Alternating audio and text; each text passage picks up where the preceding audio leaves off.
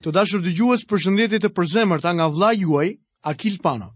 Ju uroj mirëseardhjen në programin e sotëm, në të cilin do të studiojmë kapitullin e 9 të librit të Markut. Ju kujtoj që në mësimin e kaluar kemi studiuar kapitullin e 8 të Ungjillit të Markut dhe kemi folur për historinë e rrëfimit të Pjetrit dhe vargjet e tjera të mrekullueshme mbi të cilat Zoti Jezu Krisht na tregon kryqin. Sot në kapitullin e nëntë të Ungjillit të Markut do të shohim sërish shpërfytyrimin. Kjo ngjarje mund të gjendet në tre ungjijtë e parë, ungjij që japin një vështrim të përgjithshëm. Ndërsa Marku na tregon me detaje se ndërkohë që po ndodhte shpërfytyrimi në majë të malit, dishepujt në rrëzë të tij po përballeshin me një dështim total. Ata nuk mund të dëbonin dot një demon nga një i demonizuar. Pastaj Zoti Jezu Krisht shpall sërish vdekjen e tij dhe dishepujt grinden se kush do të ishte më i madhi. Jezusi i qorton shpirtrat e tyre dhe i paralajmëron për ferrin. Ky pra është edhe kapitulli tjetër i mbushur me dinamit në ungjillin e Markut, që me plot gojën mund të quhet ungjilli i veprimit. Marku zakonisht i tregon ngjarjet më shkurt se ungjilltarët e tjerë. Por këtu na jepet historia më e gjatë e shpërfytyrimit. Është interesant fakti se pse duhej ta theksonte Marku këtë. Sipas gjykimit tonë, Shpërfytyrimi na tregon anën njerëzore perfekte të Krishtit dhe jo hyjninë e tij. Ashtu siç e thamë edhe më lart, ungjijtë që na japin një vështrim të përgjithshëm e rrëfejnë këtë ngjarje. Por Gjoni nuk vepron kështu. Tek ungjilli sipas Gjonit, Gjoni na jep hyjninë e Krishtit dhe nuk na e tregon ngjarjen e shpërfytyrimit. Ju do të kujtoni ndoshta që në rreshtin e fundit të kapitullit të 16 të Ungjillit të Mateut, Jezusi tha, në të vërtetë ju them, se disa nga ata që janë të pranishëm këtu, nuk do të vdesin pa e shikuar më parë birin e njeriut duke ardhur në mbretërinë e vet. Ka interpretime të ndryshme në lidhje me këtë, por mendoj se është shumë e qartë që Zoti Jezus e përcaktoi këtë duke iu referuar shpërfytyrimit të tij. Dy burrat që përmenden se ishin atje janë Pjetri dhe Gjoni. Tek letra e dytë e apostullit Pjetër, kapitulli i parë, vargjet 16 deri në vargun e 18, na thuhet: Sepse nuk jua bëmë të njohur fuqinë dhe ardhjen e Zotit Jezu Krisht, duke shkuar pas përrallave të sajuara me mjeshtëri, por sepse jemi dëshmitarë okularë të madhështisë së tij. Sepse ai mori nder dhe lavdi nga Perëndia Atë kur i erdhi ky zë nga lavdia e madhërishme. Ky është biri im i dashur në të cilin jam kënaqur. Dhe ne e dëgjuam atë zë që vinte nga qielli kur qemë bashkë me të në malin e shenjtë. Ai po thotë se ata ishin dëshmitarë të fuqisë dhe ardhjes së Zotit tonë Jezu Krisht. Kur? Gjatë shpërfytyrimit. Tani le ta fillojmë studimin tonë duke lexuar vargun e parë të kapitullit të 9 të Ungjillit sipas Markut. Pastaj u tha atyre: Në të vërtetë ju them se midis jush që jeni këtu, ka disa që nuk do ta shijojnë vdekjen para se të shohin të vijë me fuqi mbretëria e Perëndisë.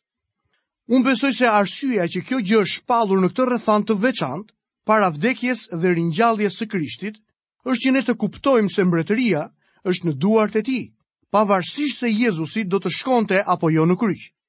Ai mund të kthehej nga toka përsëri në qiell dhe mund të bëhej në çast ligjvënësi sovran i universit.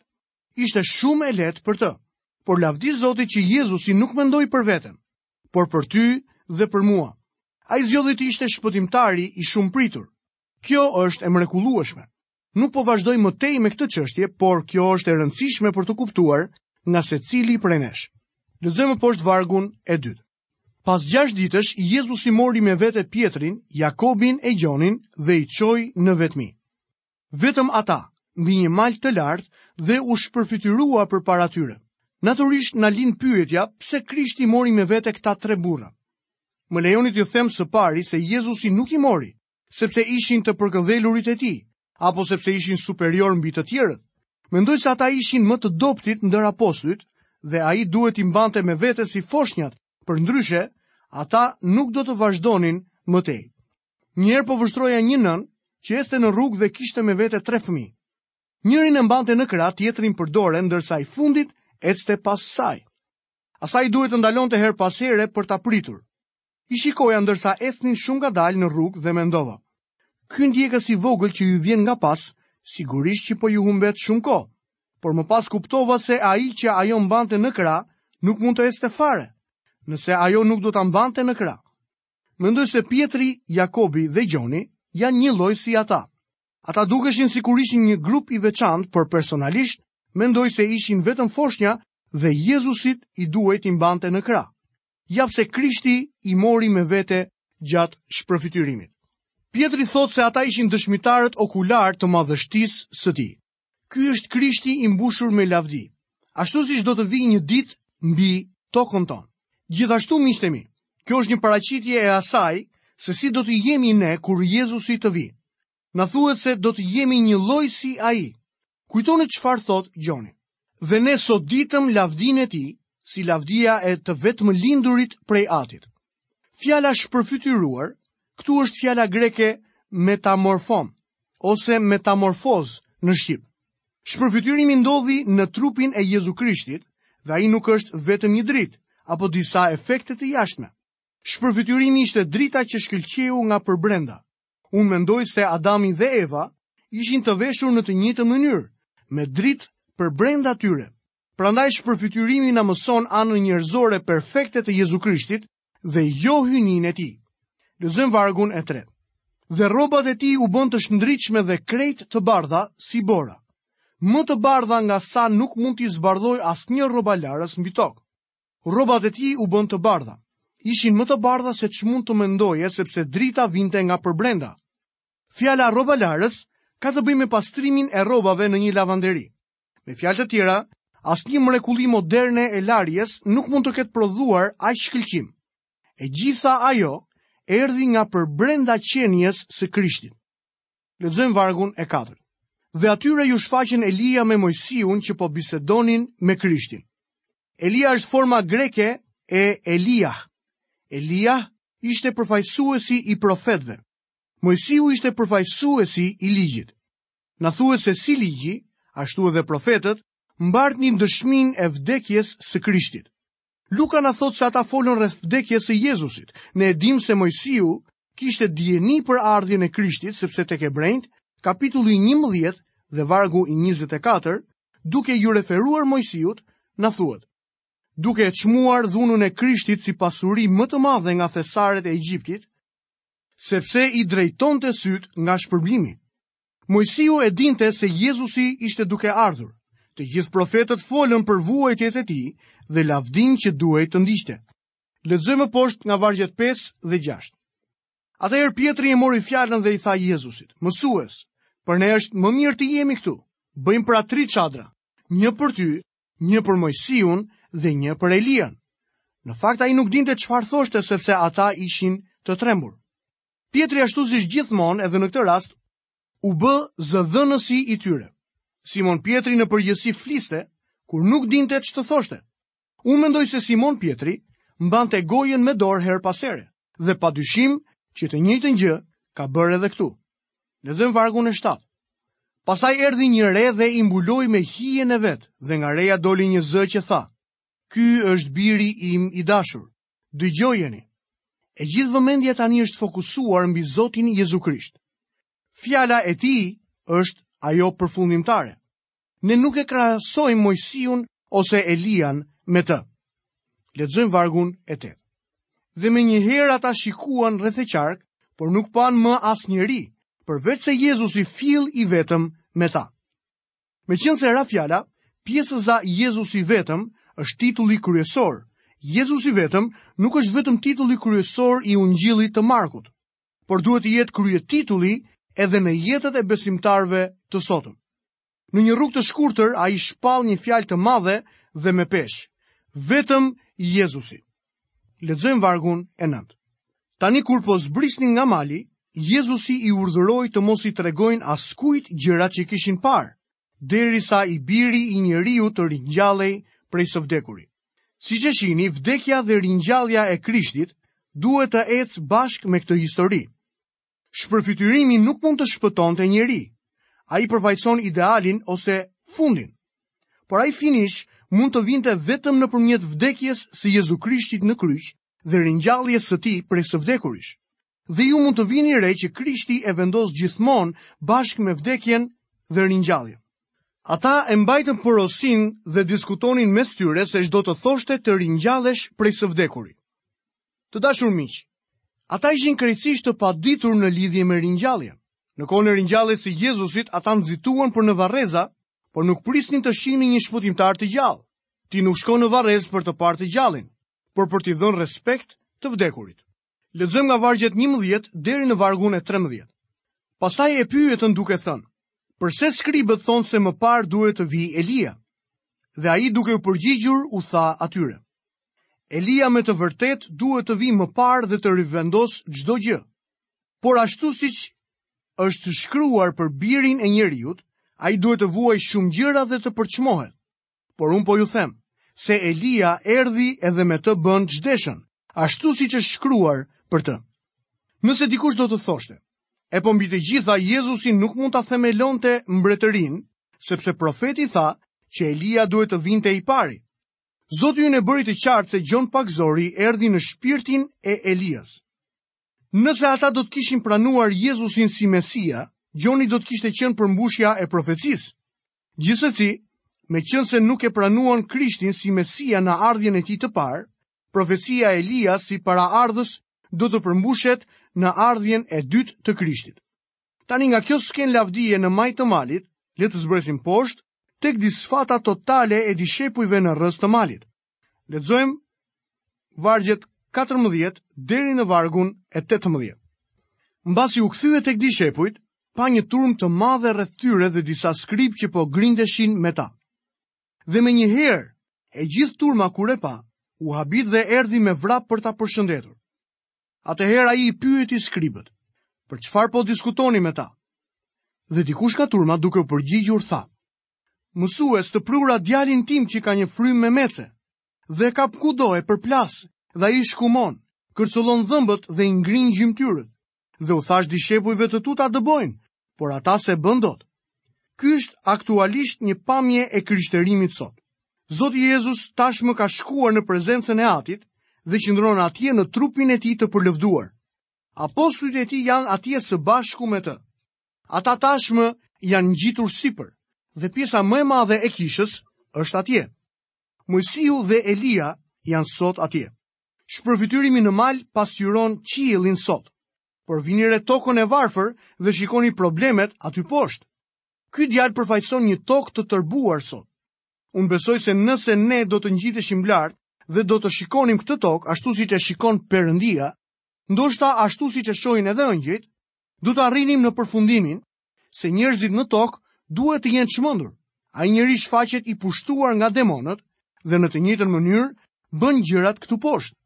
Gjëja më e trishtuar është që burri e solli djalin tek dishepujt, por ata nuk mund të bënin dot asgjë. Dhe fakti tragjik për këtë është se kisha është e paaftë në mes të një bote në nevojë. Pikërisht tani, kisha e organizuar në dëshpërim po zgjatet. duke protestuar, marshuar dhe duke u përfshirë në të gjitha llojet e gjërave. Bota aktualisht po e kritikon kishën, sepse mendon se duhet të përfshihen edhe më. Por çështjet sociale nuk janë puna jonë. Ne duhet të jemi në gjendje të ndihmojmë një djalë të pushtuar nga demoni, duke i prezantuar atij shpëtimtarin Jezus, që do ta bëjë të arsyeshëm dhe do ta çojë në një marrëdhënie të drejtë me Perëndinë. Fatkeqësisht e njëjta gjë thuhet edhe për kishën sot. Ata nuk munden. Dishepujt nuk mundeshin dhe ne nuk mundemi. Kështu Zoti Jezus në përgjigje të tyre tha. Lexojmë vargun e 19. Edhe ai duke u përgjigjur tha. O brez që s'beson, deri kur do të jem me ju, deri kur do t'ju duroj, ma sillni djalin këtu. Çfarë formulimi i mrekullueshëm! Silleni atë tek unë.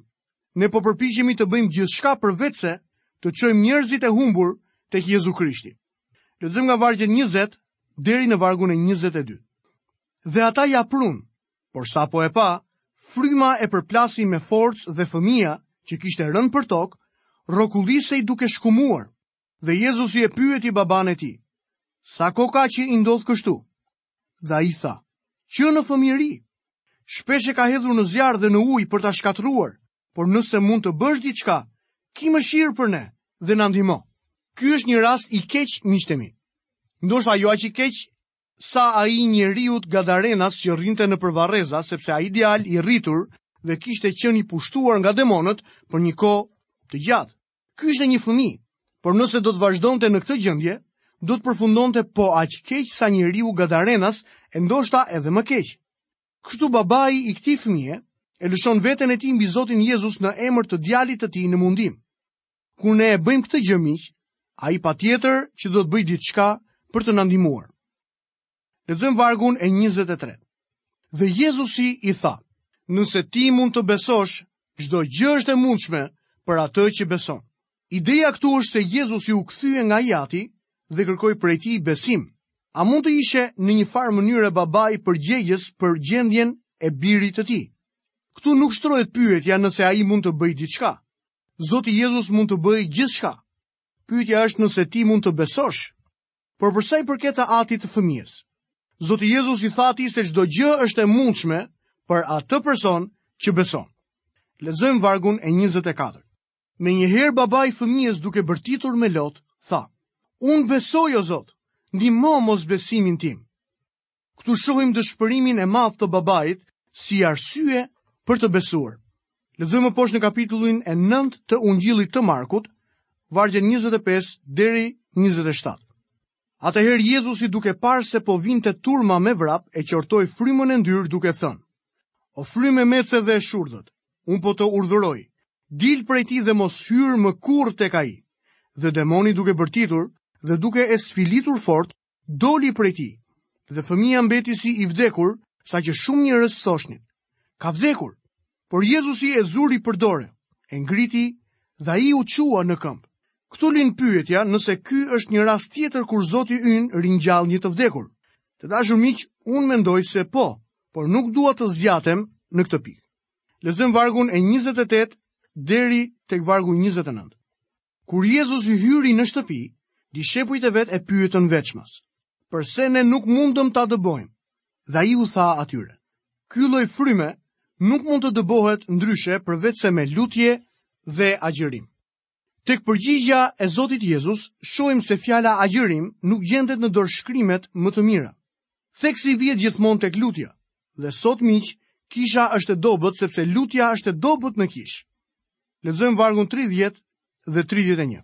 Mbasi u nisën prej andej, kaluan nëpër Galile, dhe ai nuk donte që ta merrte vesh njeri. Ai në fakt i mësonte dishepujt e vet dhe u thoshte atyre: Së shpejti biri i njeriut do të dorëzohet në duart e njerëzve dhe ata do ta vrasin. dhe pasi të jetë vrarë, ai do të ringjallet ditën e tretë. Ju do të vini re se si Krishti i vendos vdekjen dhe ringjalljen e tij së bashku. Lexojmë vargun e 32. Por ata nuk i kuptonin këto fjalë dhe kishin frikë ta pyesnin. Dishepujt e Krishtit nuk e kishin kuptuar çështjen e të ngriturit prej së vdekurish. Jezusi po flet këtu se do të vdiste për ta dhe ju mund të mendoni se këta burra mund të kishin bërë të paktën disa pyetje. Ata guxuan të debatonin ndërmjet tyre se kush do të ishte më i madhi në mbretëri, menjëherë pasi Jezusi lajmëroi për vdekjen e tij. Atyre duhet t'ju vinte turp për sjelljen e tyre. Kjo nuk është hera e parë që Krishti u shpall atyre vdekjen dhe ringjalljen e tij, por ata akoma nuk janë në gjendje të kuptojnë të vërtetat e Jezusit. Lexojmë në kapitullin e 9 të Markut, vargun 33 deri në vargun e 35. Dhe arritën në Kapernaum, dhe kur hyri në shtëpi i pyeti, për çfarë diskutonit ndërmjet jush rrugës? Dhe ata heshtën, sepse rrugës kishin diskutuar se cili ndër ta ishte më i madhi. Atëherë ai u ul i thirri të dymbëdhjetët dhe u tha atyre, Nëse dikush don të jetë i pari, le të bëhet i fundit i të gjithëve dhe shërbëtori i të gjithëve.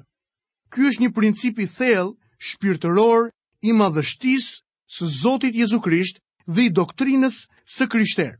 Të dashur dëgjues, jam i lumtur që po e mbyllim programin e sotëm me këtë varg madhështor nga Ungjilli sipas Markut, kapitulli 9, vargu i 35. Jam mirënjohës Perëndisë që keni qëndruar së bashku me mua përgjatë minutave të këtij programi, lutem që fjala e Zotit të jetë e gjallë në jetën tuaj. Besoj me gjithë zemër që gjatë kohës që jeni duke qëndruar në studimet që ne jemi duke bërë së bashku mbi Ungjillin sipas Markut, Perëndia është duke ndërtuar besimin tuaj në fjalën e Perëndisë. Lutem që paqja e Perëndisë dhe bekimi i tij të jenë çdo moment në jetën tënde.